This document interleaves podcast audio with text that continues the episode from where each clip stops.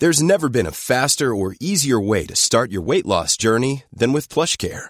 PlushCare accepts most insurance plans and gives you online access to board-certified physicians who can prescribe FDA-approved weight loss medications like Wigovi and Zepbound for those who qualify. Take charge of your health and speak with a board-certified physician about a weight loss plan that's right for you. Get started today at plushcare.com slash weight loss. That's plushcare.com slash weight loss. plushcare.com slash weight loss. Hiring for your small business? If you're not looking for professionals on LinkedIn, you're looking in the wrong place. That's like looking for your car keys in a fish tank. LinkedIn helps you hire professionals you can't find anywhere else, even those who aren't actively searching for a new job but might be open to the perfect role. In a given month, over 70% of LinkedIn users don't even visit other leading job sites. So start looking in the right place. With LinkedIn, you can hire professionals like a professional. Post your free job on linkedin.com slash achieve today. Hey, it's Ryan Reynolds, and I'm here with Keith, co-star of my upcoming film, If, only in theaters May 17th. Do you want to tell people the big news? All right, I'll do it. Sign up now and you'll get unlimited for $15 a month and six months of Paramount Plus Essential Plan on us. Mintmobile.com slash switch. Upfront payment of $45 equivalent to $15 per month. Unlimited over 40 gigabytes per month. Face lower speeds. Videos at 480p. Active Mint customers by 531.24 get six months of Paramount Plus Essential Plan. Auto renews after six months. Offer ends May 31st, 2024. Separate Paramount Plus registration required. Terms and conditions apply if rated PG.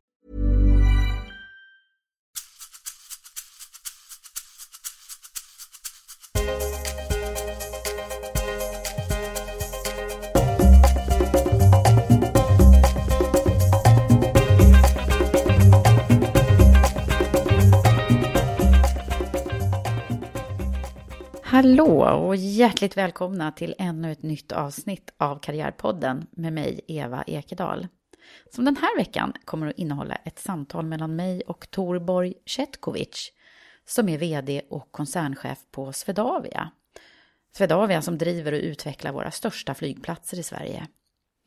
Torborg har en sån där tydlig röd tråd i sin karriär, transportbranschen.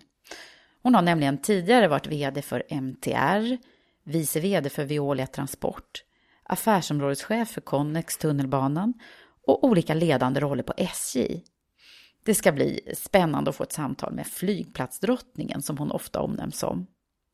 Jag har den här gången begett mig till Arlanda och deras huvudkontor med mina mikrofoner. Så häng med och, och lyssna och låt dig inspireras av en riktigt stark ledare. Men först vill jag tacka mina samarbetspartners, Blocket Jobb och Stepstone, som är mötesplatserna för dig som vill utvecklas i din karriär. Nu kör vi!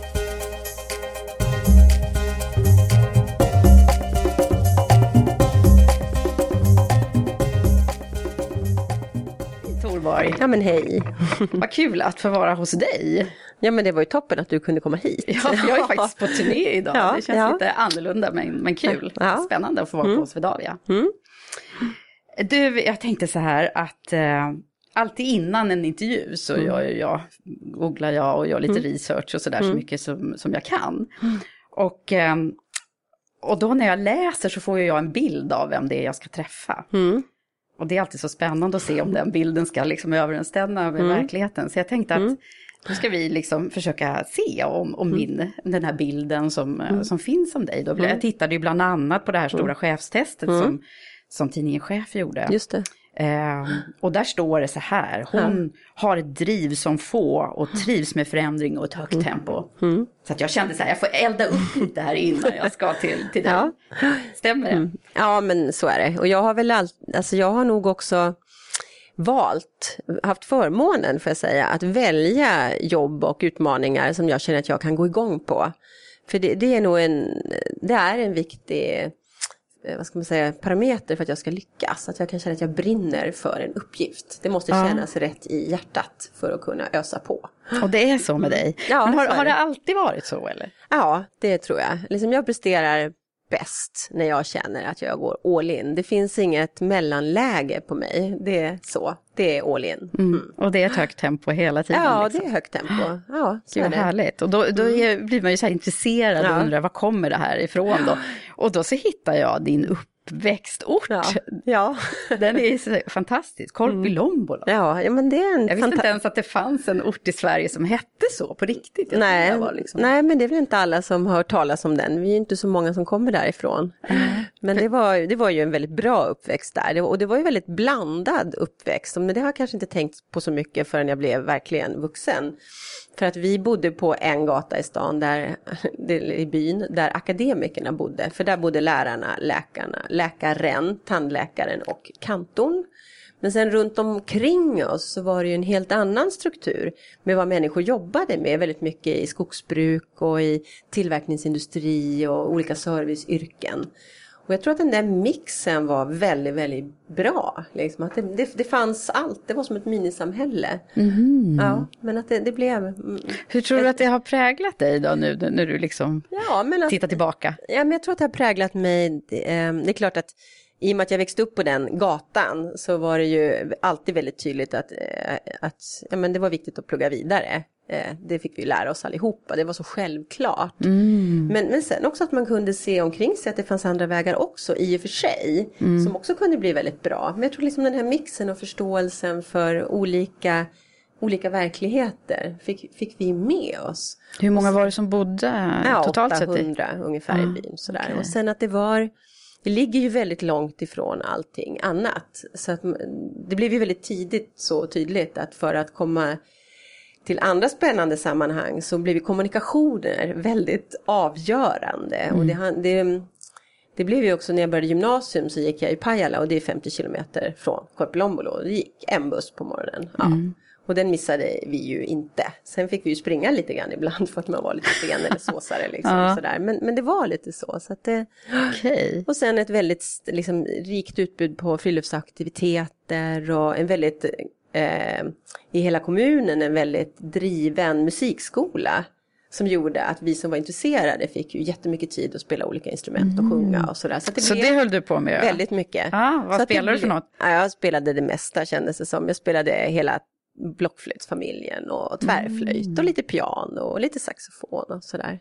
Men framförallt då flöjterna var liksom mina huvudgrej. Okej. Så att det blev en väldigt bra mix. Och sen, ja, inte, när man jämför med att växa upp i en storstad så tror jag att vi som har vuxit upp på verkligen landsbygden, man får ett annat lugn med sig. Men samtidigt kanske en nyfikenhet på mer tempo.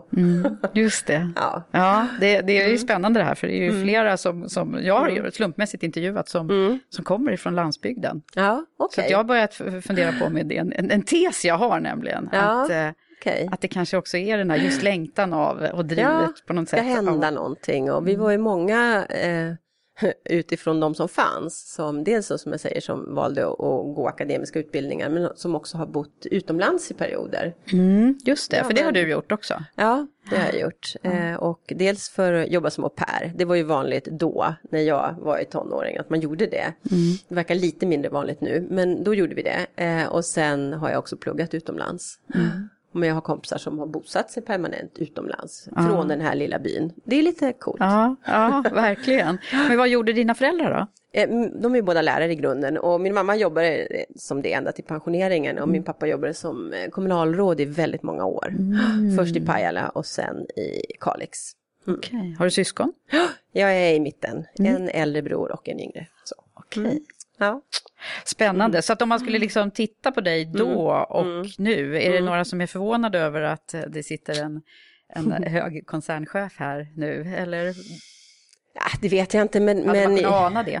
ja, jag, jag tror det. Liksom. Jag var ju engagerad i allt redan då, i det som då fanns att engagera sig i. Så. Ja. Men du måste Mm. ha funderat själv på var det här drivet som du har Mm. Kommer ifrån.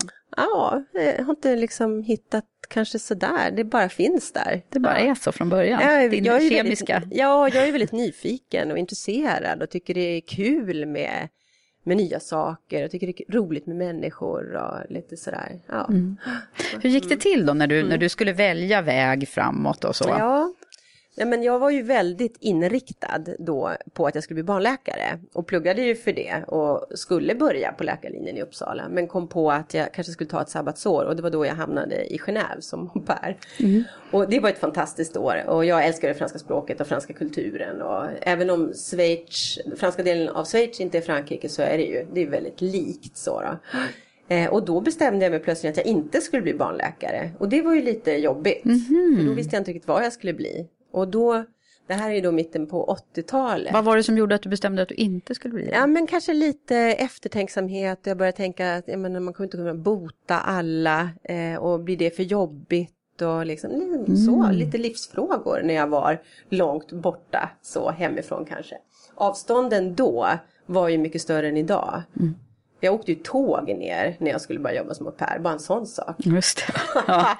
Från Boden då som var närmaste tågstation. Det hade ju ingen kommit på att göra idag. Nej. Sätta sig på tåg för att åka till Genève när du kan flyga på 2,20. Nej, just du vet. Nej. Nej men så det kändes som att jag var väldigt långt bort. Jag tror det liksom blev lite tankar då. Och, och då, det här är i mitten på 80-talet, då var det ju lite sådär, då var det ju poppis att läsa marknadsföring sådär, all, i största allmänhet. Så då tänkte jag, vad kan man, för det verkar lite kul så. Så då valde jag ekonomlinjen. Så det var verkligen bananskal. Det var bara lite, ja, men jag att ta det som, något. Det som var lite kul. Ja, och så mm. var det ju lite sådär, att mina föräldrar sa väl inte så mycket, men de, talade, de antydde nog att det var ju bra att inte ha för långt studieuppehåll. Så det blev lite så här, men jag måste bestämma mig nu. Mm. Så, ja, så tror jag. Mm. Ja. Okej, och hur var det då? Plugga ekonomi i Uppsala var det alltså? Ja, det var ju precis, det var ju ganska lättsamt jämfört med att gå naturgymnasium kan man säga.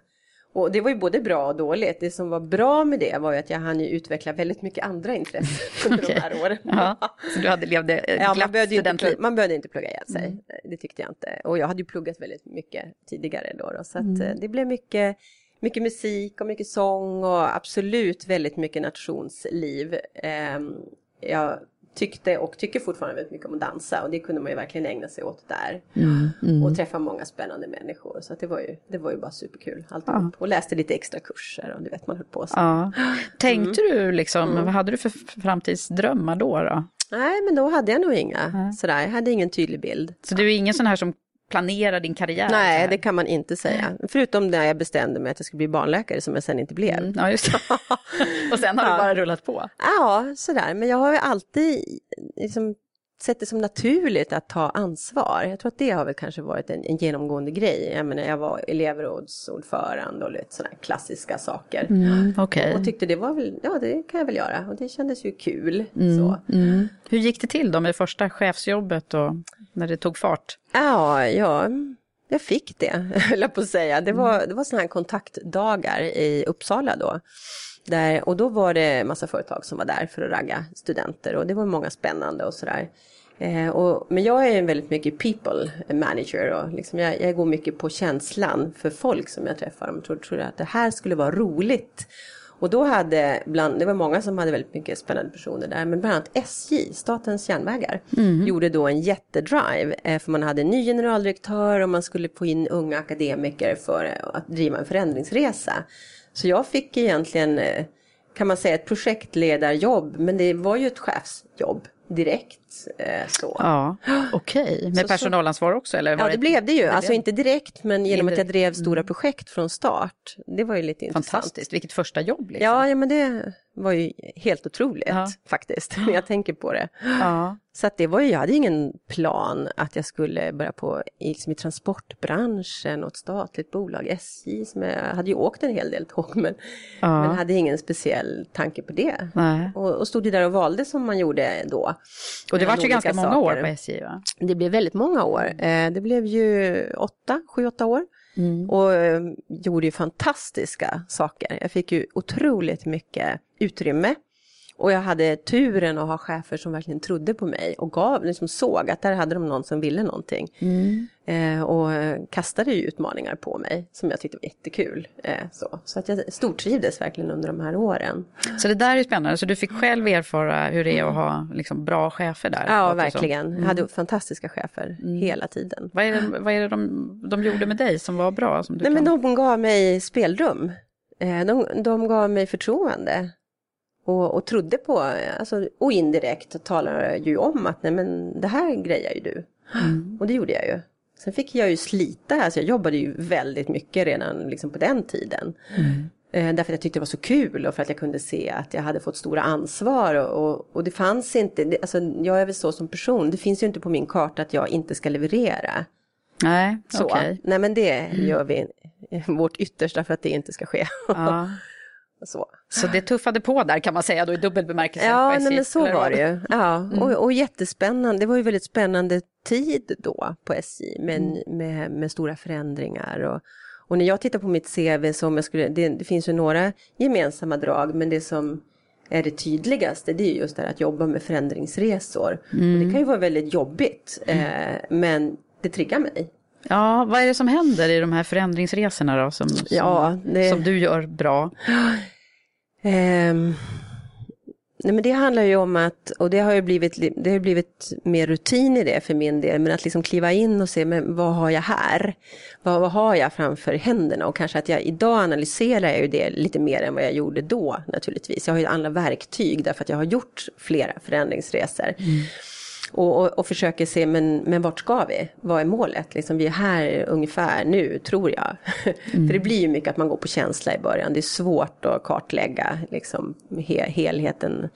Men eh, eh, ta ut en riktning eh, och, och liksom sätta igång och, och skapa eh, en, upp, en, en samsyn kring det och en uppslutning. Och, liksom, och det kan ju handla om både interna och externa förändringsresor.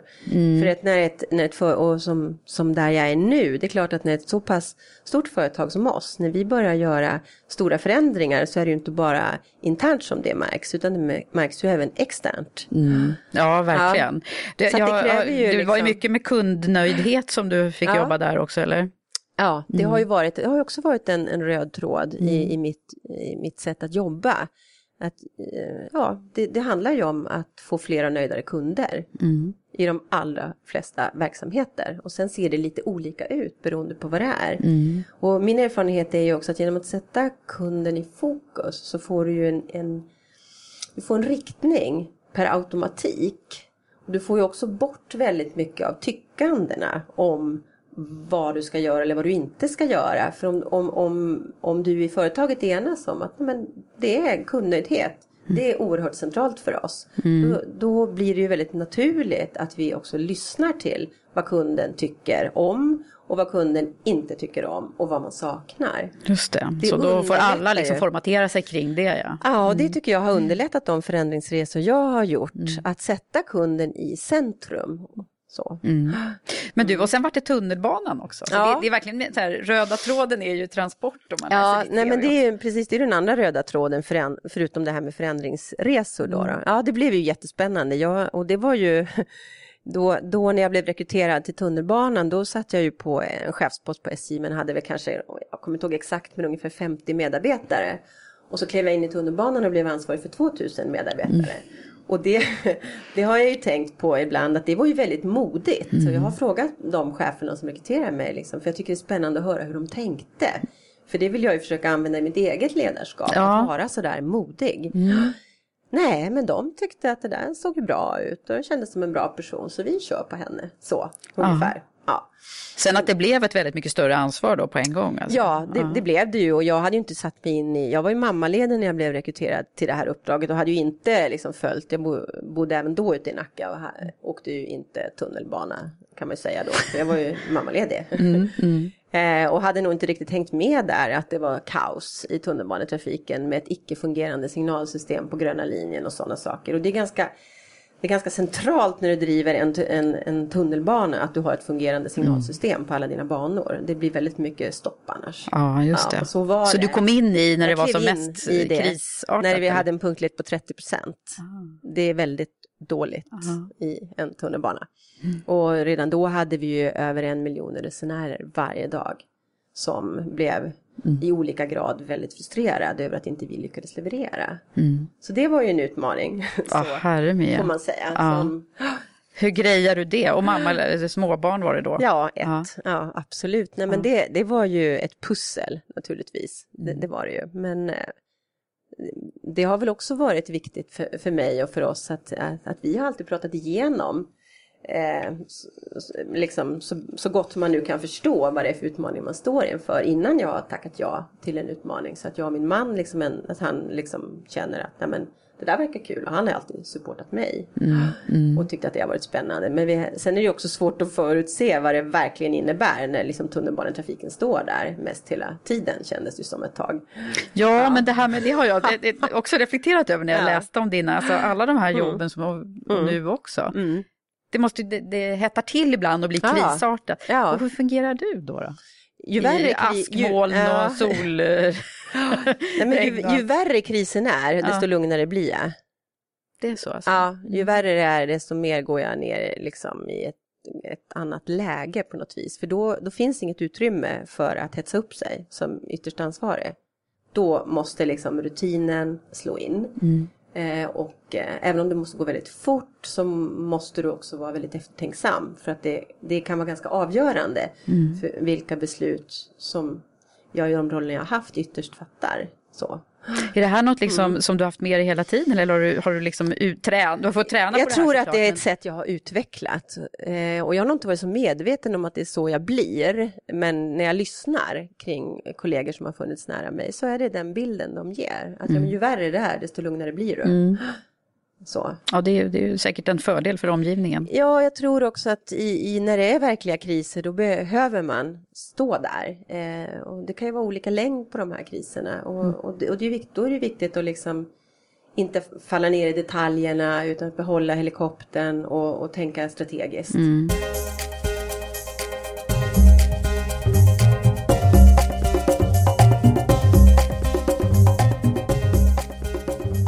Vad är det jobbigaste du har, har stött på då hittills i de här? Ja men det var när vi hade en brand i tunnelbanan. Okay. Mm. Det, det var väldigt jobbigt de här 45 minuterna innan vi vet hur har det gått. Hur har gått. Mm.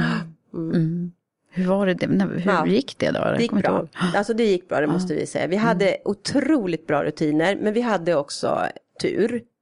Eh, ibland så tänker jag att väldigt mycket rutiner gör att du får mer tur. Mm, just det. Eh, nej men det var ju mänskliga faktorn som hjälpte oss. Det var resenärer, två stycken resenärer som också slog larm samtidigt som vår tågförare började upptäcka att det var något som var fel. Men de var liksom på också. Mm. Så mm. han fick hjälp i att, liksom, att tänka jag måste stanna tåget och inte köra in i en tunnel. Ja, just det. Mm. Ja, mm. och personligt har du också varit liksom ute efter, utsatt för mediadrev och sådär, ja, jag, några gånger va? Ja, mm. absolut. Ja, hur, har det, hur hanterar du det då?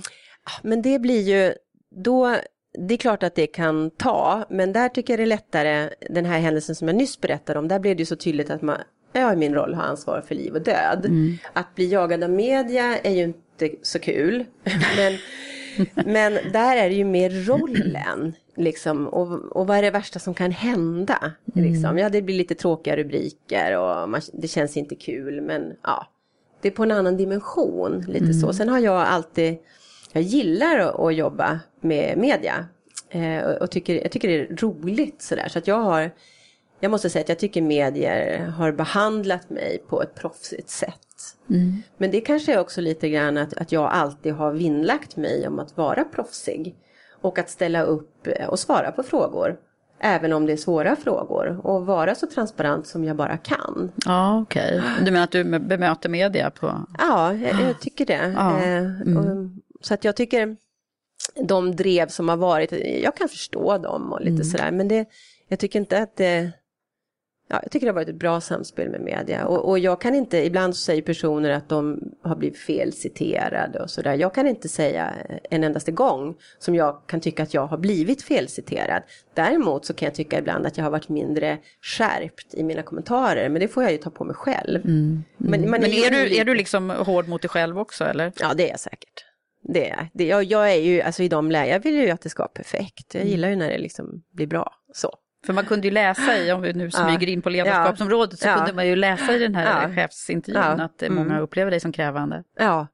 Ja, det tror jag. Jag mm. kräver mycket av mig själv och jag kräver mycket av min omgivning. Och det där, får, det där tror jag också med åren att jag blir mer uppmärksam på och försöker att balansera mer än vad jag gjorde när jag var yngre. Mm. Har det slipats av lite kanter eller? Ja, jag tror det. Mm. Jag tror det, men också att, um, jo, sen är vi ju som vi är alla, men, men jag tror att genom att, genom, vad ska jag säga, eftertänksamhet och erfarenhet så, så ser man kan ju också se tydligare effekten av sitt eget beteende mm. och, och, slipa till lite och känna, men jag kanske inte ville, ja jag känner så här nu, men jag kanske inte ville riktigt få den effekten. Ah, jag backar lite. Mm. Lite så. Det behöver inte vara svårare än det. Nej, det. Men sen är det ju också så när, eh, när, när man gör, har sådana jobb som jag har, där det är väldigt mycket krav hela tiden från, det är från väldigt många stakeholders och så har det varit i alla roller jag har. Det är allt från resenärer till ägare, till allmänhet i olika perspektiv så, så det är väldigt många som alltid har haft åsikter och varit berörd av de jobben som jag har haft. Mm. Faktiskt. Ja just det, det är liksom utsatt. Ja det är väldigt roll. utsatt och då krävs det ju också att, att det sker förändringar. Mm. Eh, men man ska också vara medveten om att det kommer att påverka, om vi flyttar oss nu två steg till höger, då kommer det att påverka hela den här intressentkartan. Och att jobba med det för att eh, minimera negativa effekter och att lyfta fram de positiva. Men mm. det har ju också blivit mer sofistikerat. Det där gick jag nog mer på känsla på, tror jag, i begynnelsen. Och ja. nu kör jag det mer, mer eh, strukturerat. Mm. 360-gradaren brukar jag kalla det. Just det, ja. att du tänker 360. Ja, jag tänker liksom, jag tänker intressentkartor väldigt, väldigt mycket i mm. mitt huvud hela tiden. Och sen har ju vi strukturer för det också mm. i företaget. Men, men att jag själv också sysslar med det. Just det, och vad, vad man mm. tänker på mer i ditt mm. ledarskap, vad är det mm. du har, har jobbat med? Eller som du kan se mm. själv att du har liksom utvecklats eller vad har det blivit för typ av ledare? Ja, eh, jag har jag tror att jag alltid har varit en väldigt engagerad ledare och skapat väldigt mycket engagemang kring mig. Och, och, och har ju förmånen att då eh, eh, ha medarbetare som väljer, väljer mig som ledare för att man tycker det är kul. Det händer väldigt mycket så.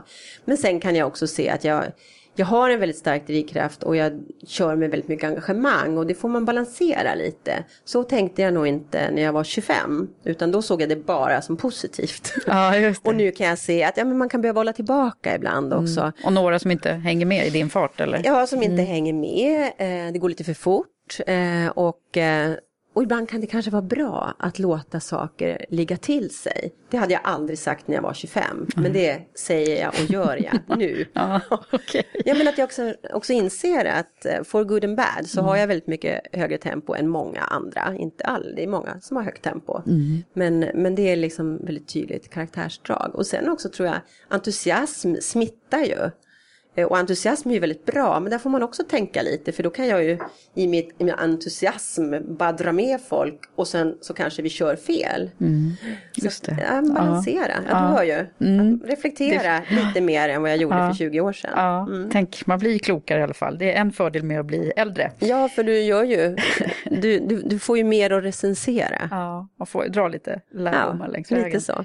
När man tittar på din karriär, vi mm. kommer ju av oss lite här, men, mm. men eh, om man nu skulle titta lite grann på vad som, mm. vad som har hänt eh, sen tunnelbanetiden och Veolia då. Vad, mm. vad, vad hände sen?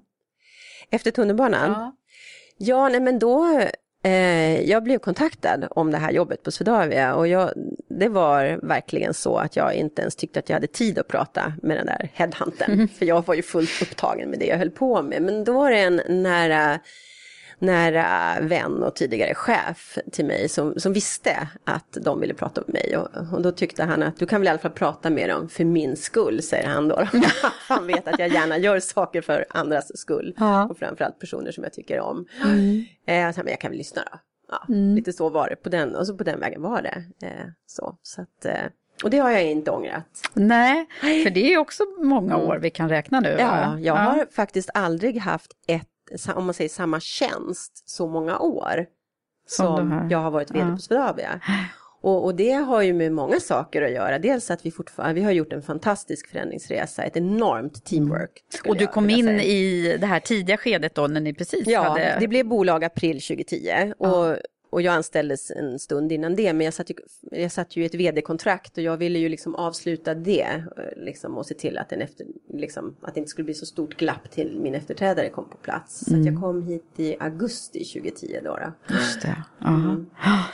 Och det har ju varit en fantastisk resa som sagt. Eh, och, Ja, det är mycket förändringar som ni behövde Ja, och börja vi är med. så mångfacetterat bolag också. Vi, jag brukar säga att vi är ju ett företag, men vi är i så många olika branscher samtidigt. Mm. Och inte nog med det så är det ju också så att vi rör oss ju, vi jobbar ju med väldigt långa processer. Å ena sidan, vi ska ju planera infrastruktur, vi ligger ju, när vi är där i planeringsstadiet, då pratar vi om 2040-2045. Mm. Hur ska det se ut?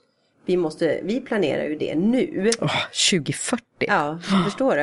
Samtidigt som vi i nästa möte så sitter vi och tittar i en månadsrapport och ser att försäljningen eh, på våra flygplatser inte är så stark som vi hade tänkt oss. Så vad gör vi nu? Här och nu och inte 2045.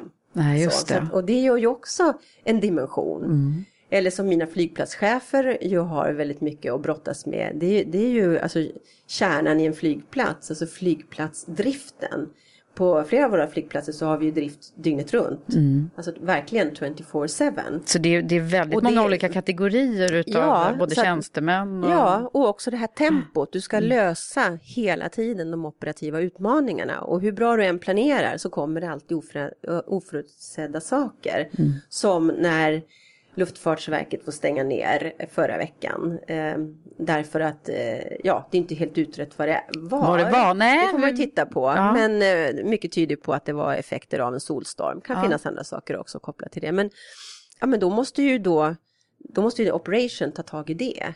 Då Ja. får man släppa det andra som man höll på med. Just det. Och det menar jag liksom att det, det, skap, det blir ju ett väldigt speciellt bolag att leda. Därför att jag som ytterst ansvarig måste ju ha, jag måste vara både här och nu, mer för att säkra att det finns förutsättningar för mina medarbetare att jobba här och nu också, när det krävs. Men vi måste också ha den långsiktiga Visionen. planen, visionen, så att vi inte kör fel. Ja. Och det är häftigt. Och sen det här som jag sa eh, lite snabbt att också vara i så många branscher samtidigt. Vi har ju till exempel startat ett fastighetsbolag här på Swedavia där vi ju jobbar med att att eh, exploatera marken kring våra flygplats, flygplatser. Det. Och där vi håller på att planera flygplatsstäder nu, både på Stockholm Arlanda Airport på Göteborg Landvetter. Mm. Jag hade ju aldrig jobbat med fastigheter tidigare i hela mitt liv. Där, och det är ju ett helt nytt område, superspännande. Ah, så det är Men finns mycket ju liksom infrastrukturfrågor som... Vad sa du? Det är mycket infrastrukturfrågor som, Ja, som det också det. landar. Och alla infrastrukturfrågor och alla de kommersiella frågorna. Så det ja, spännande. Ja, det låter som du fortfarande tycker det är jättekul. Ja, jag tycker det är jättekul. Ja. Det är fortfarande jätteroligt. Ja, ja vad härligt. Ja. Men du, vad, vad, du har lite styrelseuppdrag och annat också. Mm. Så man undrar lite så, hur hinner du med? Ja, hur hinner jag med? Och så läste jag någonstans, du går upp klockan fem på morgonen och, och promenerar. Ja. Är det så fortfarande? Ja, eller? ja, men det är det. Jag är ju väldigt morgonpigg och jag älskar morgnar. Det är ju liksom, eh, ja men det är också den här känslan att det är liksom en ny dag. Eh, för mig är det inte en klyscha, det är en sanning. Det är en ny dag och nu ser vi, eh, ja nu tar vi oss an den här dagen med lite nya ögon. Och Mm, så det, är det då du reflekterar eller? Ja, det kan bero på. Jag går ju med kompisar, så ibland Mm. pratar vi ju väldigt mycket om allt möjligt annat. Men det är väl också en form av reflektion. Men sådär. det är så, klockan fem? Hiring for your small business? If you're not looking for professionals on LinkedIn, you're looking in the wrong place. That's like looking for your car keys in a fish tank. LinkedIn helps you hire professionals you can't find anywhere else, even those who aren't actively searching for a new job but might be open to the perfect role. In a given month, over 70% of LinkedIn users don't even visit other leading job sites. So start looking in the right place. With LinkedIn, you can hire professionals like a professional. Post your free job on linkedin.com slash achieve today. There's never been a faster or easier way to start your weight loss journey than with PlushCare. PlushCare accepts most insurance plans and gives you online access to board-certified physicians who can prescribe FDA-approved weight loss medications like Wigovi and Zepbound for those who qualify. Take charge of your health and speak with a board-certified physician about a weight loss plan that's right for you. Get started today at plushcare.com slash weight loss. That's plushcare.com slash weight loss. plushcare.com slash weight loss. Hey Dave, Yeah, Randy. since we founded Bombus, we've always said our socks, underwear, and t-shirts are super soft. Any new ideas? Maybe sublimely soft. Or disgustingly cozy? Wait, what? I got it. Bombus. Absurdly comfortable essentials for yourself And for those facing homelessness. because one purchased equals one donated. Wow, did we just write an ad? Yes. Bombas. Big comfort for everyone. Go to bombas.com slash ACAST and use code ACAST for 20% off your first purchase. Ever catch yourself eating the same flavorless dinner three days in a row? Dreaming of something better? Well, HelloFresh is your guilt-free dream come true, baby. It's me, Kiki Palmer. Let's wake up those taste buds with hot, juicy pecan-crusted chicken or garlic butter shrimp scampi. Mm. Hello Fresh. Stop dreaming of all the delicious possibilities and dig in at HelloFresh.com. Let's get this dinner party started. Hey, it's Ryan Reynolds, and I'm here with Keith, co star of my upcoming film, If, only in theaters, May 17th. Do you want to tell people the big news? All right, I'll do it. Sign up now and you'll get unlimited for $15 a month in six months of Paramount Plus Essential Plan on us. Mintmobile.com slash switch. Upfront payment of $45 equivalent to $15 per month. Unlimited over 40 gigabytes per month. Face lower speeds. Videos at 480p. Active Mint customers by 531.24 get six months of Paramount Plus Essential Plan. Auto renews after six months. Offer ends May 31st, 2024. Separate Paramount Plus registration required. Terms and conditions apply if rated PG. Alltså.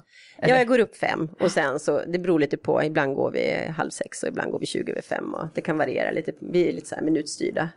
Ja. Ja. Aha, Nej, men så att, otroligt. Visst, det är lite, men det är väl min, eh, det är viktigt för mig att hålla igång. Eh, och jag skulle säkert göra mer fysiska eh, sporter om jag hade tid. Men jag känner, jag har bestämt mig för att jag är nöjd med mina morgonpromenader. Det är det jag kan få in på regelbunden basis. Och sen adderar jag med mycket, lite annat sådär när man är ledig och så. Men jag tror att det är viktigt med, för mig är det jätteviktigt att göra någonting varje dag. Just det, att röra på sig. Ja. Mm. Men det här med stress, det är ingenting som, som ligger för dig? Jag kan bli stressad, absolut. Men eh, eh, jag har, är bra på att sortera. Så. Mm. Och försöka boxa in, vad är det som stressar mig? Och vad kan jag göra åt det? Så. Och ibland bara liksom parkerar och säga, ja men nu är det så här. Nu, nu får den ligga till sig lite grann. Nu, nu får inte den störa mer utan den finns där en stund, jag får, jag får tänka till och sen kör vi på något annat spår. För det är ju så i, i min roll, eh, att det är ju mycket som pockar på hela tiden. Och, och jag vill ju vara en närvarande ledare, jag vill ju finnas för mina medarbetare och lyssna när de har problem och, och då måste man lägga den egna stressen åt sidan så gott som det går. Men jag tror ehm, alla är ju olika som personer men jag är bra på att när jag inte jobbar så stänger jag av. Ja. Och jag har ju så länge Förmågan haft, att- jag är. Mm. bra på det och jag har ju så länge haft ett jobb som innebär att jag lever med telefonen. Så, alltid på, så, förutom när jag flyger. Mm. typ, det är väl ungefär så. Och då, ja, jag har lärt mig att när den inte ringer då är det lugnt. Mm. Så, då, gör jag, då fokuserar jag på, på här och nu. Och att jag också har valt att ha, trots får man kanske säga då, om de jobben som jag har haft, så har jag valt att ha långa föräldraledigheter. Ja, okej. så Och du- det har varit jätteviktigt för mig. mm, Eh, Hur många så- barn har du? Två, två, barn. Ja. Eh, och jag har varit väldigt nöjd med det. Det är inte så att en lång föräldraledighet sen kan ersätta föräldraskap fram till, jag vet inte vilket år man ska ta, men, men det har ju skapat en bra bas för mig och för barnen och för familjen. Så. Hur har du själv jobbat då med din, din egen utveckling? Jag menar, har du, du nämnde att du var mentor till någon, men eh, har du själv haft någon mentor och coach och så eller? Jag har aldrig haft en strukturerad, alltså så här, som jag själv nu är mentor i strukturerade program. Jösses, jättekul, liksom, men det känns lite krävande. Det var lite så här, oh, nu ska vi se här. men det har varit väldigt roligt att få vara mentor. Eh, och jag är det just nu också. Ehm, jag har haft förmånen att ha flera eh, härliga personer som har delat med sig av sin, sin klokskap och sin erfarenhet och, och så. Och, och det har Som du har kunnat... eh, Ja, ringa, Ja. Mm. ta en kaffe, ta en lunch liksom sådär när jag känner att jag behöver prata lite. Mm. Och ehm, det har passat mig bra. Eh, sådär, lite situationsstyrt. Ja, just det. Så du har jag är kunnat ta hjälp imponerad av de här eh, adepterna eller vad man nu ska kalla en person som går ett mentorprogram som sätter ner liksom punkter i ett mejl och talar om det här vill jag prata om. Det tycker jag är jätteimponerande. Ja, ja. Då pratar vi om det. Ja. Sen pratar man om mycket annat. Jag har nog varit mer så här liksom. Haft, det har varit en väldigt eh, skön känsla att ha fantastiska personer man bara kan lyfta luren till och säga hörru. Mm. och så bara poff, för jag är rätt spontan så. Och så får man prata av sig. Och, och mitt sätt att eh, vara är ju också, det är ju, så jobbar jag ju också eh, i, i min ledarroll. Att eh, liksom mycket brainstorming. Eh, Ja, okej. jag är inte den som låser in mig på en kammare och sen kommer jag ut tre veckor senare. Det funkar inte i mitt jobb men det var ett Mm. exempel. Men du förstår, stänga dörren, sitta och tänka, åh nu har jag lösningen. Så jobbar inte jag utan det handlar ju snarare samla ledningen eller någon mindre grupp och säga gud vad gör vi nu? Och så vitt papper och få brainstorma och prata och liksom. Så det känns som det är en hel del spontanitet i, i dig där. Ja men det är det ju. Samtidigt som jag har också en, att jag, eftersom jag är spontan så jobbar jag, har jag jobbat upp en, en bra struktur för att inte mina medarbetare ska ryckas med i det, någon sorts berg och dalbana där det är oförutsägbart. Oj då, skulle det fram ett material här nu? Liksom, så där, men Mm. Så du har jag- människor runt omkring dig som... som... Nej men jag är bra på att lägga upp planer också. Ja. Och jag vet att jag måste göra det. Mm. Liksom, och det har jag ju hållit på med länge. Men det blir väl en, en, en balans då. Så. Mm. Så att försöka undvika, jag, jag försöker hela tiden tänka att jag ska undvika brandkårsutryckningar för mina medarbetare. Mm. Sen kan det vara saker som händer, men det har jag alla respekt för men, och förståelse. Men att försöka undvika det Mm. för att, att mina medarbetare ska kunna place, planera sin, sin arbetstid så bra som det går. Och sen också att ha en nära dialog hela tiden tycker jag är viktigt. Ja, men kolla av lite, hur är det och, och sådär i största allmänhet. Och, ja. Ja.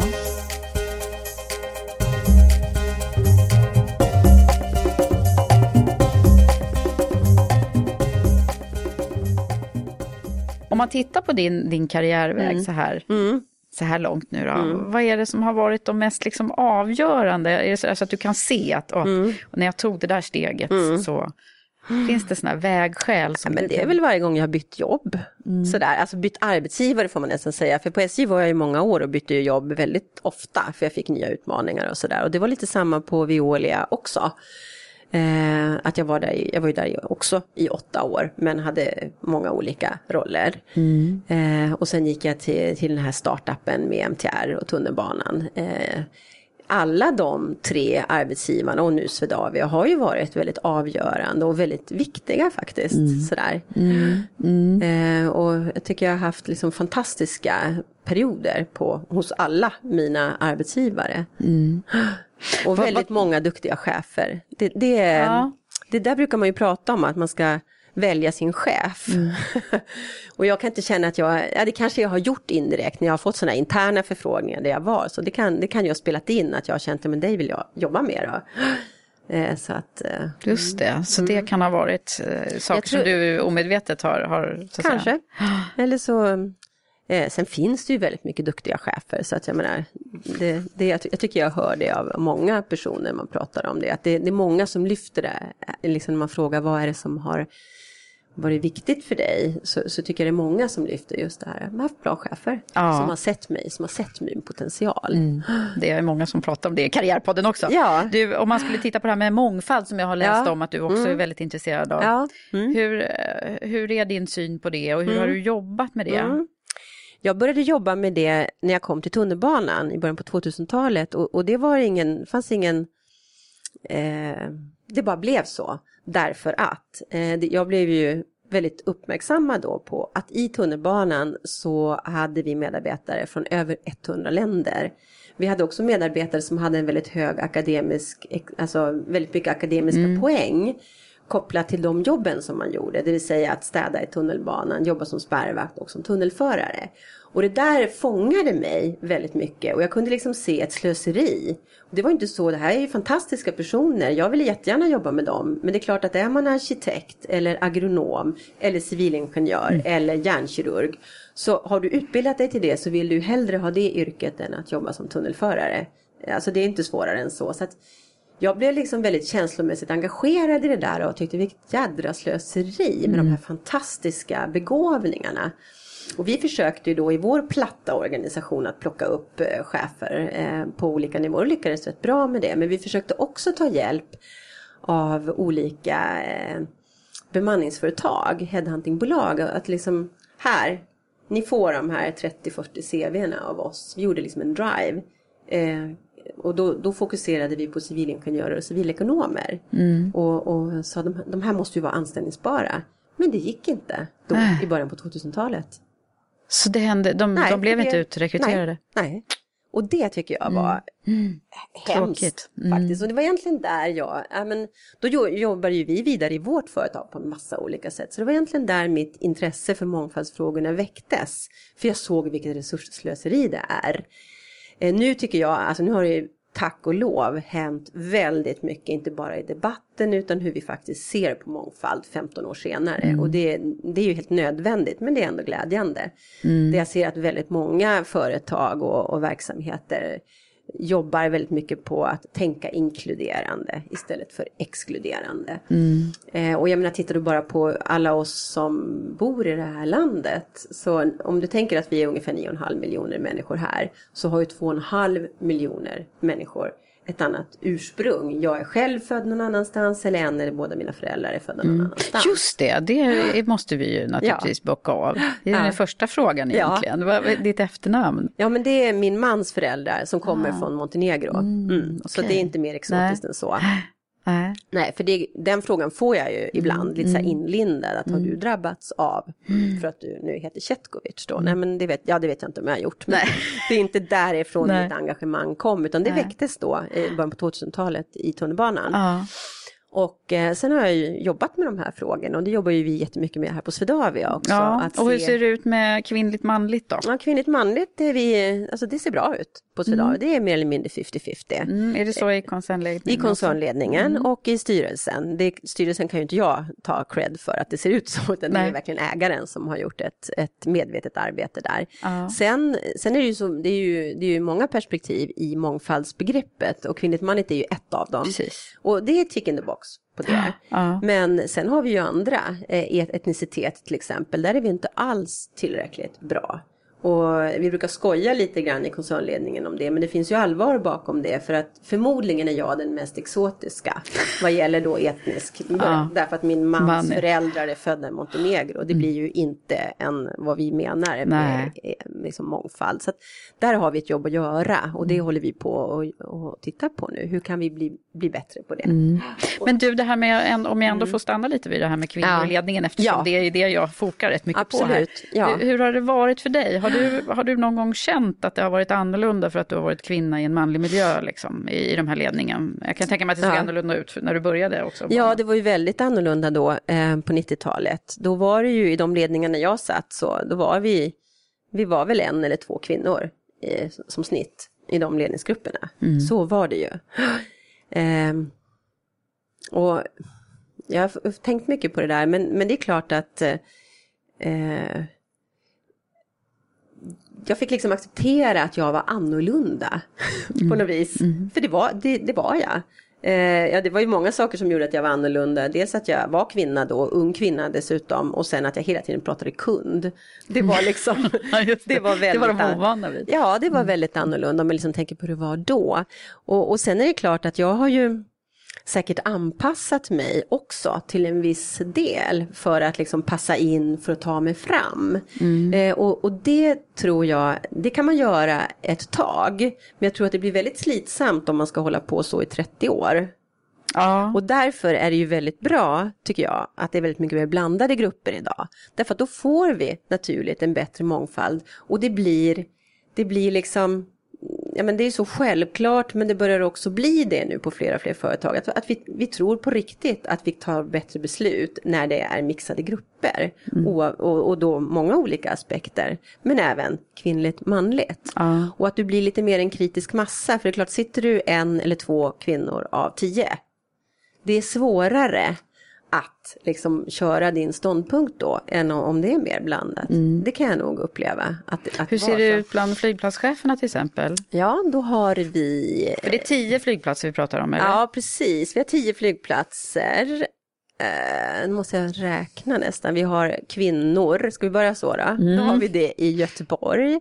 Och vi har det på Åre Östersund och vi har det i Luleå och vi har det i Ronneby. Ehm. Ja, och sen har jag ju också gjort så att eh, jag har ju en chef för de regionala flygplatserna och det är också en kvinna då. Så att om du tittar på flygplatscheferna som sitter i koncernledningen så är det ju två kvinnor och två män. Okej. Blir det ju då av den här summan. Ja, ja. Fick jag räkna Mm. lite. Ja, nu fick du räkna, men det lät Jo. som ungefär 50-50 det Ja, men det är om vi ska 50. summera. Det är 50, Ja. 50. Så att, ehm, och det har fallit sig naturligt. Mm. Vi, vi, har, vi har ju naturligtvis gått på kompetens i våra rekryteringar, det gör ju alla. Mm. Eh, men där det har varit helt självklart för oss att tänka inkluderande och inte exkluderande. Och, och jag kommer tillbaka till det som jag pratade om inledningsvis, just det här att jag tror väldigt mycket på eh, drivkraften i ett team. Mm. Eh, och det blir bättre beslut när det, är inte, när det inte är för homogent. Mm. Du får mer infallsvinklar. Sen gäller det ju också att skapa en kultur där, där, där man öppnar upp för diskussionen och att man låter diskussionen ta plats också. Och det kan ju vara en utmaning när vi till exempel har bråttom och man ska komma fram och då måste man sätta punkt at some point och sådär. Mm. Men det, det, det är väl också, det är en lärdom. Men tycker du att det är skillnad på kvinnligt och manligt ledarskap? Ja, jag vet inte om jag kan liksom säga att det är det, men jag kan tycka att det blir lite olika infallsvinklar. Så. Om jag jämför med min första ledningsgrupp som jag satt i eh, så blev det ju en annan typ av diskussioner men det var ju en annan tid också, det är så himla länge sedan. Det går liksom inte att dra Mm. Nej. parallell Nej. hur det var i början på 90-talet och hur det är nu. Nej. Liksom. Det är ett annat klimat så det är lite svårt att göra den jämförelsen. Men det är också. fortfarande så, tycker jag, att Ja. man, behöver, man behöver liksom ifrågasätta, både rannsaka sig själv och Ja. hur man, Men jag tror hela tiden det här att, vokabulären är, hur man pratar, Ja. kulturen. så. Ja, ja. Mm. och var väldigt, ganska vaksam. Eh, och det här med till exempel jargong som kan etablera sig i en, en grupp, det ska man ju vara väldigt va- vaksam på. För ibland kan man ju förledas att tro att en jargong det är något som alla tycker är trevligt och Ja. kul. behöver inte alls vara så. Liksom, när du börjar skrapa på ytan så kan det vara några som inte alls känner sig bekväma i det där. Så att, Nej, nej, det är en viktig fråga som vi fortsätter jobba med, eller hur? Mm. ja, ja. Eh, du, vi börjar, om Mm. vi skulle försöka hitta de här, eh, jag brukar alltid försöka ringa in vad, Mm. vad du har för, eh, vad du har dragit för lärdomar som sen mynnar ut i någon form av tips. Som Mm. Ja. Mm. du, liksom, om du skulle dela med dig av de viktigaste eh, tipsen som du vill ge till dem, antingen de som är på vägen i, i karriär Mm. Ja. eller i början på sin. Eller, Nej, men jag tror jättemycket på att vara i ett sammanhang där du, det går tillbaka till mitt sätt, mi- mi- mitt engagerade, engagerande ledarskap. Att liksom vara på en plats där du känner att du kan brinna för, att du kan gå in med liksom hela dig. Med hjärta och hjärna. Liksom, så. Jag, jag, jag tror jättemycket på det. Eh, och känna att du är i ett sammanhang där du liksom kan göra skillnad eh, tror jag är viktigt. För då gör du skillnad också. Eh, Så, då, det blir liksom själv... Det, det, det ena ger det andra. Eh, och sen en annan sak som, som jag har jobbat mycket med i mitt eget ledarskap, det är det här att inte vara för snabb med att utvärdera. nej. Eh, jag menar tydliga mål, absolut, men att också våga låta, alltså våga släppa. Eh, och acceptera att det finns inte bara en väg till det där målet, utan det finns flera vägar. Och i, i, om, om du är för snabb med att utvärdera hur det blev, då, då kan det ju också, jag menar det kan ju bli hämmande.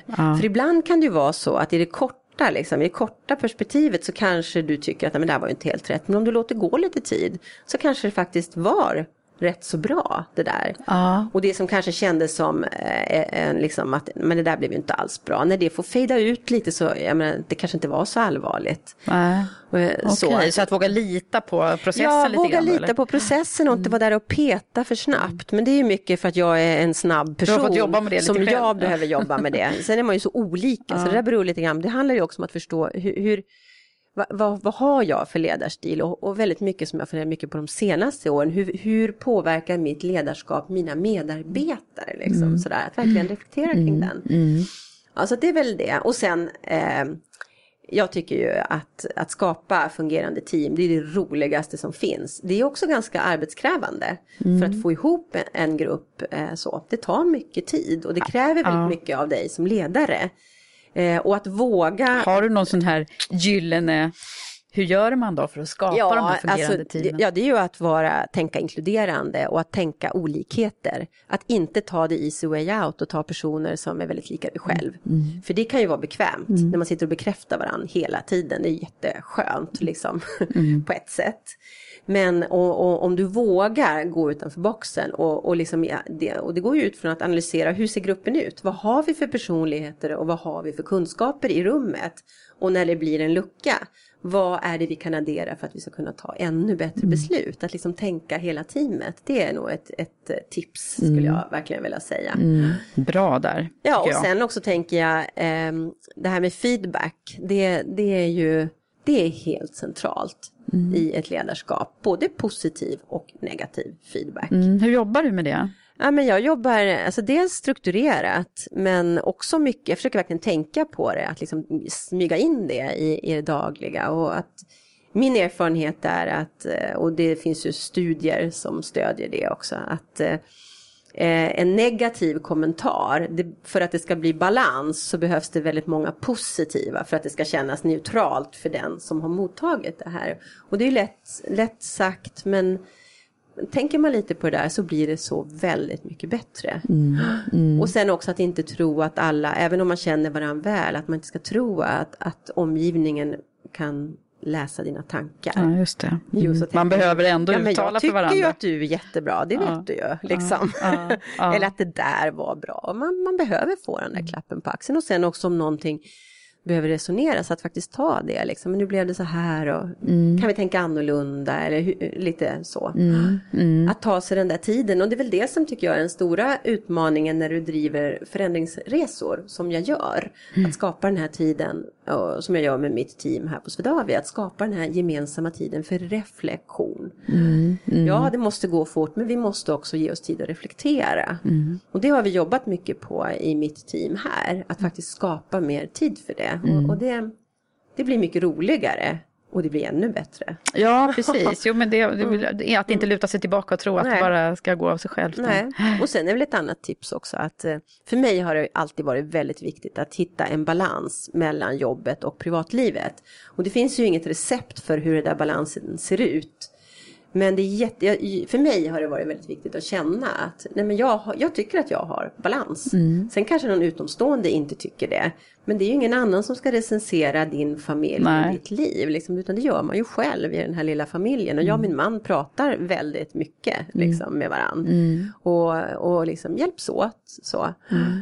Eh, och det, det har varit viktigt för mig. Jag skulle aldrig ha kunnat haft de här jobben som jag har haft om inte jag kände att nej men, det känns bra. Sen kan det vara vissa perioder när det blir alldeles för mycket jobb. Mm. Men att då vara mån om, och det är jag, att, eh, att se till att det finns andra perioder också. Mm. Att det inte bara är liksom hela nej. tiden går på högvarv. Nej, nej. och jag tror att det, det, där är också så olika hur du är. Men jag kan känna i mig själv att jag skulle känna en risk att bli tom om inte jag får fylla på liksom, mm. med min familj och med mina promenader och mm. ut med båten och lite sådär. Mm. Resa, göra kul grejer ihop. Vi har rest väldigt mycket i vår familj, bara vi fyra. Mm. För att få tid för de här samtalen. Det låter ju fantastiskt bra det där. Det tar vi med oss, det, tycker ja, jag. jag tar med mig det.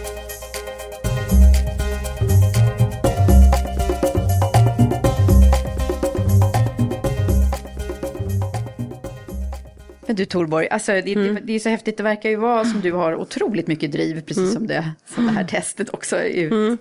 eh, utsade. Men, men vad, vad, vad händer då med, mm. med medarbetarna som, mm. som inte har lika tydligt driv mm. i sig?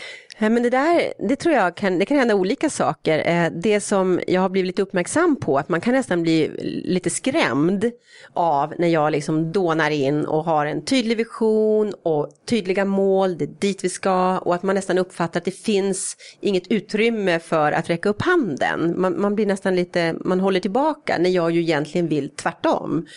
Eh, och jag kan också i en diskussion bli väldigt, väldigt engagerad och om inte du känner mig så kan du nästan tänka oj, men är hon, liksom, är hon upprörd och arg? Medan jag är egentligen, som jag känner det, engagerad. Men jag har ett välj, men jag går in i en diskussion med hull och hår och det kan vara känslor och liksom sådär. Och, och, det, det har jag lärt mig med åren. Att för att jag ska kunna släppa loss registret så behöver jag verkligen känna dig för att ve, veta vart det tar vägen. Så, så att det, där, det där behöver jag balansera. Men en del har varit lite skraja alltså. Ja men det, det har hänt. Och, och när jag har sett det, liksom, men det har jag blivit uppmärksam på senare år. Men oj, det var inte så jag menade. Jag vill ju bara ha en diskussion eller jag vill ha ett engagemang och så. så att, eh, Ja. Vad är det annars då som är, som är utmärkande för ditt, ditt tydliga ledarskap? Men det är min målfokusering och mitt sätt att jobba med kommunikation för att verkligen få ut målen. Och tar vi Swedavia som ett exempel så tror jag inte att det finns nästan någon medarbetare som inte vet vår riktning. Var vi ska vara 2020. Det har vi liksom pratat så tydligt om. Och sen den här kommunikationen. Och jag gillar ju att prata med människor. Eh, och, och lyssna och höra. Och jag trivs lika väl i styrelserummet som bland passagerarna i- ute i, eh, i, verksamheten eller i bagagerummet eller någonting. Jag tycker det är roligt att, att, att prata och bes- beskriva hur jag tänker och få frågor. Det är det bästa jag vet när jag är ute och träffar mina medarbetare. När, de när, man faktiskt vågar fråga, Fråga. VD någonting. För där har jag alltid förundrats över. Nu har jag varit VD, eh, det är inte mitt första VD-jobb, ett antal år. Jag, men jag ser mig ju inte som VD när jag kliver ut.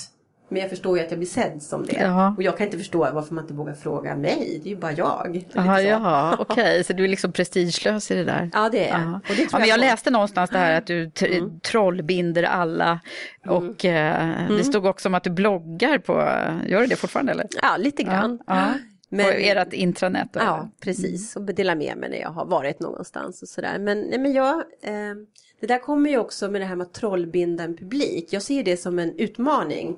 När jag har en publik framför mig, oavsett storlek, så tänker jag att jag vill ju få ut våra budskap, mitt budskap. Eh, Men jag vill ju också känna att de här personerna känner att det är meningsfullt att vara där och lyssna till mig. Så att jag slösar bort deras tid. Så jag älskar ju när jag ser att jag får publiken med mig. För jag känner att de tyckte de ju att det här var värt att Ja, det är klart att internt så kanske man inte riktigt väljer om man går och lyssnar på VD. Nej, Men externt kan det ju absolut vara Mm, så. Så det skulle kunna bli skådis av dig eller någonting annat? eller? Ja, kanske hade kunnat bli. Det har jag aldrig tänkt på. Men, men eh, varför inte? Men jag älskar det där och jag gillar ju det här on stage. Då händer det någonting. Men då måste jag, jag måste alltid vara väldigt, väldigt förber- väl förberedd. Jag får väldigt mycket hjälp med det av mina fantastiska medarbetare som hjälper mig. Och det är också så här, jag får ett talmanus och sen håller jag på och pillar i det där och ändrar säkert tills de tycker nu får man väl sluta. Men det är också mitt sätt att liksom bli färdig i min tanke. För sen river jag ofta av det där utan talmanus. Sen kan det bli lite olika. Sen måste det vara liksom, måste ha de rätta kläderna på mig för att kunna köra. Jag kan inte stå i platta skor till exempel. Jag måste ha high Klackar. heels. Ja. Ja, det funkar inte. Nej. Jag stod för några år sedan i ballerinor. Ja. Kändes som en, jag vet inte hur mycket de märkte men jag kände det var ju liksom bara Ja. nyss uppkliven ur sängen. Jag Just kan ha ballerinor när jag springer runt på kontoret men inte när jag är på en scen. Ja. Nej, det, det, det sitter lite pondus i klackarna, det Ja, kör ju faktiskt jag ja, också liksom på kontoret. Ja. ja, där har vi en gemensam nämnare. Ja. Om man nu skulle också, eh, den, den riktigt avslutande grejen är ju Ja. den här skicka vidare-frågan som jag Ja. har varje, varje Ja. avsnitt. Och Ja. eh, då kommer ju den här eh, skicka vidare-frågan ifrån min förra gäst som var, Mm. Som var Veronica Hörsgård på, som är HR-direktör och vice vd på Skanska. Hon ställde en fråga till dig då, fast hon Ja. visste inte att det var till dig, utan hon eh, ställde den här frågan. Är du redo? Ja, jag är redo. Eh, vad finns det för situationer, personer eller andra saker som har hjälpt dig att komma vidare i din utveckling? Mm. Det, jag tänk, det finns ju så mycket, jag har jobbat så länge. liksom. Jag har varit inne lite på det, men- ja, ja. men om jag skulle säga någonting som jag tänker väldigt mycket på nu. Mm.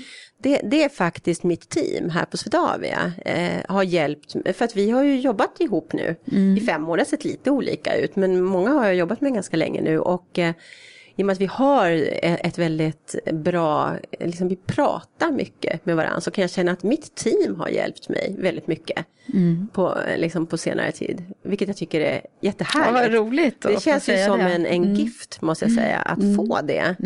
Eh, Att, Och då har inte det varit konstant väl kan jag tänka mig, fem år, så har det inte sett likadant ut. nej, och det blir, jag tror att det här givandet och tagandet för att ehm, givandet och tagandet kommer ju när du har ett team. Ja, just Och det här har jag upplevt under olika faser i andra företag. Men det är ju, det är ju här jag är nu. Mm. Och det är en fantastisk känsla. Och också att ärligt kunna säga till en medarbetare, "Ah, men du det där, det har, det har verkligen hjälpt mig. Jag brukar tänka på det där.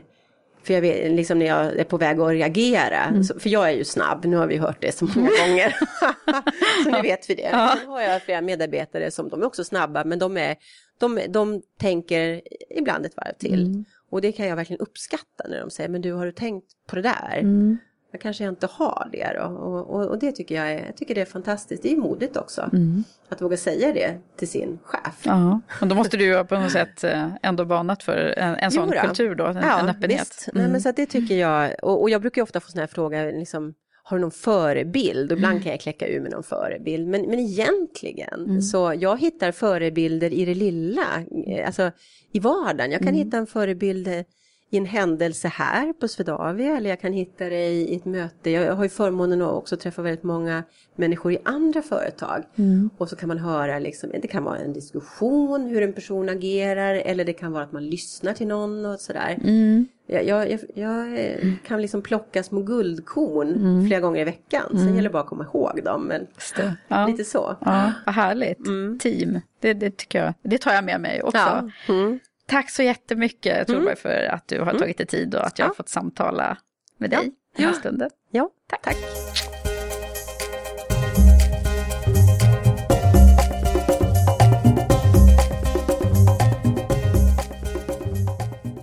Nu så här i efterhand när jag har lyssnat på vårt samtal och så slår det mig att det är verkligen en drivande, snabb och engagerande person jag möter. Hon verkar ha förmågan att skapa en tydlighet i sitt ledarskap. Och det är kul att höra hur hon har reflekterat över hur hon påverkar andra med sitt driv och att det ibland behövs att man saktar ner och låter saker och ting sjunka in. Hon verkar ju också ha hittat ett sätt att sortera alla viktiga uppgifter som hela tiden måste pocka på och hur hon skapat balans i sitt eget liv. De där tidiga klockan-fem-morgon promenaderna kanske är något man borde prova. Men jag undrar hur det skulle gå för mig. Bra också med hennes engagemang för mångfald och hur det väcktes när hon eh, jobbade med personalen i tunnelbanan där. Att vara i ett sammanhang där man kan brinna och göra skillnad och skapa bra fungerande team. Ja, och det tror jag verkligen att hon gör. Heja Torborg! Avslutningsvis vill jag rikta ett stort tack till mina samarbetspartner Blocket Jobb och Stepstone som är mötesplatserna för dig som vill titta på möjligheterna att utvecklas i din karriär. Tack också alla ni som har lyssnat. Vi hörs snart igen. Fortsätt att kommunicera och hör av er till mig på sociala medier. Jag blir så glad för era hejarop. Hej så länge!